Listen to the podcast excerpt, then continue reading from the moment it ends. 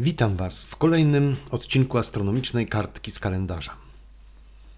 14 października 1582 roku w Polsce nic się nie wydarzyło. A nie wydarzyło się nic, ponieważ nie było 14 października 1582 roku. Od jakiegoś czasu wiadomo było, że wyznaczona za Gajusza Juliusza Cezara na 365,1 dnia długość roku nie jest dokładna. Badania astronomiczne prowadzone w późnym średniowieczu wskazywały, że prawdziwa długość roku wynosi 365,2422 dnia. Jest więc krótsza niż przyjęta przez Cezara. W rezultacie data nowego roku miała tendencję do dryfowania w kierunku wiosny. Aby doprowadzić do zgodności kalendarza z danymi astronomicznymi, papież Grzegorz XIII za radą astronomów, w tym jezuitów, którzy szczególnie zajmowali się nauką, postanowił wydać bullę Inter Gravissima, która reformowała kalendarz juliański. Według kalendarza juliańskiego każdy rok podzielny przez cztery był rokiem przestępnym. W nowej reformie, nazwanej później od imienia papieża Gregoriańską, postanowiono, że te lata, które dzielą się na 100, pomimo tego, że dzielą się też całkowicie przez 4, nie będą latami przestępnymi. Jednak te lata, które dzielą się na 400, pomimo tego, że dzielą się na 100, przestępne będą. Tak więc, w odróżnieniu od kalendarza juliańskiego, lata 1700, 1800, 1900 nie były przestępnymi, jednak 1600 i 2000 były. W rezultacie długość roku cywilnego wynosi średnio 365,2425 dnia, co spowoduje różnicę jednego dnia za 3000 lat, ale to już nie nasze zmartwienie.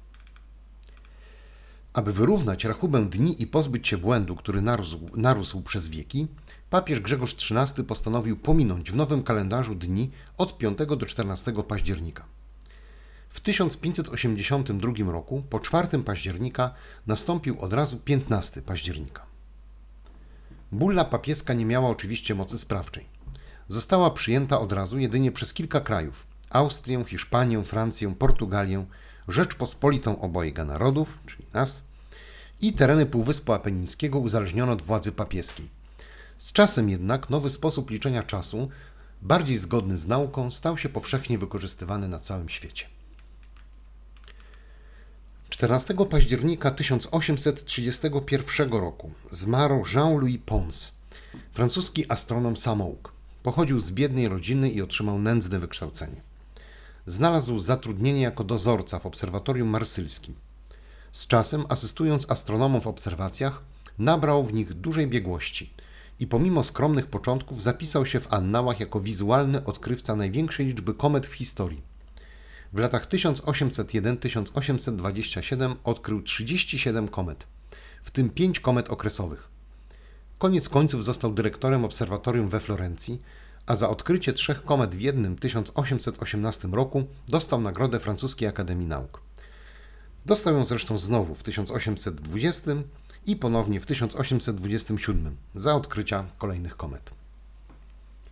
14 października 1914 roku urodził się Raymond Davis Jr., amerykański chemik i fizyk, znany najbardziej z kierowania eksperymentem Homestake, w którym za pomocą zaprojektowanego pod jego kierunkiem detektora neutrin odkryto strumień tych cząstek docierających do Ziemi z wnętrza Słońca. Za to odkrycie otrzymał w 2002 roku Nagrodę Nobla z fizyki.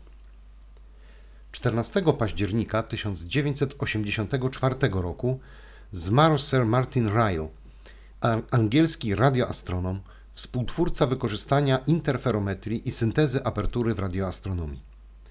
Dzięki tym metodom rozproszona sieć radioteleskopów działa jako jeden ogromny instrument o średnicy równej odległości pomiędzy najdalej od siebie położonymi radioteleskopami. Pozwala to uzyskać ogromne zdolności rozdzielcze, umożliwiające otrzymywanie dokładnych map bardzo odległych radioźródeł. Z metod tych korzystał mówiący te słowa w swojej pracy magisterskiej, w której otrzymał, otrzymałem mapę pewnego kwazara, wykorzystując zbiorcze dane z sześciu radioteleskopów oddalonych od siebie o tysiące kilometrów. Martin Ryle kierował też grupą, która opracowała trzeci katalog Cambridge radioźródeł, tzw. Tak katalog 3C, który przyczynił się do odkrycia kwazarów. Zapraszam Was na facebookową stronę grupy Astro Pomorze oraz na stronę mojego podcastu pioro.me Podcast dostępny jest również w usługach Spotify i iTunes. Do usłyszenia.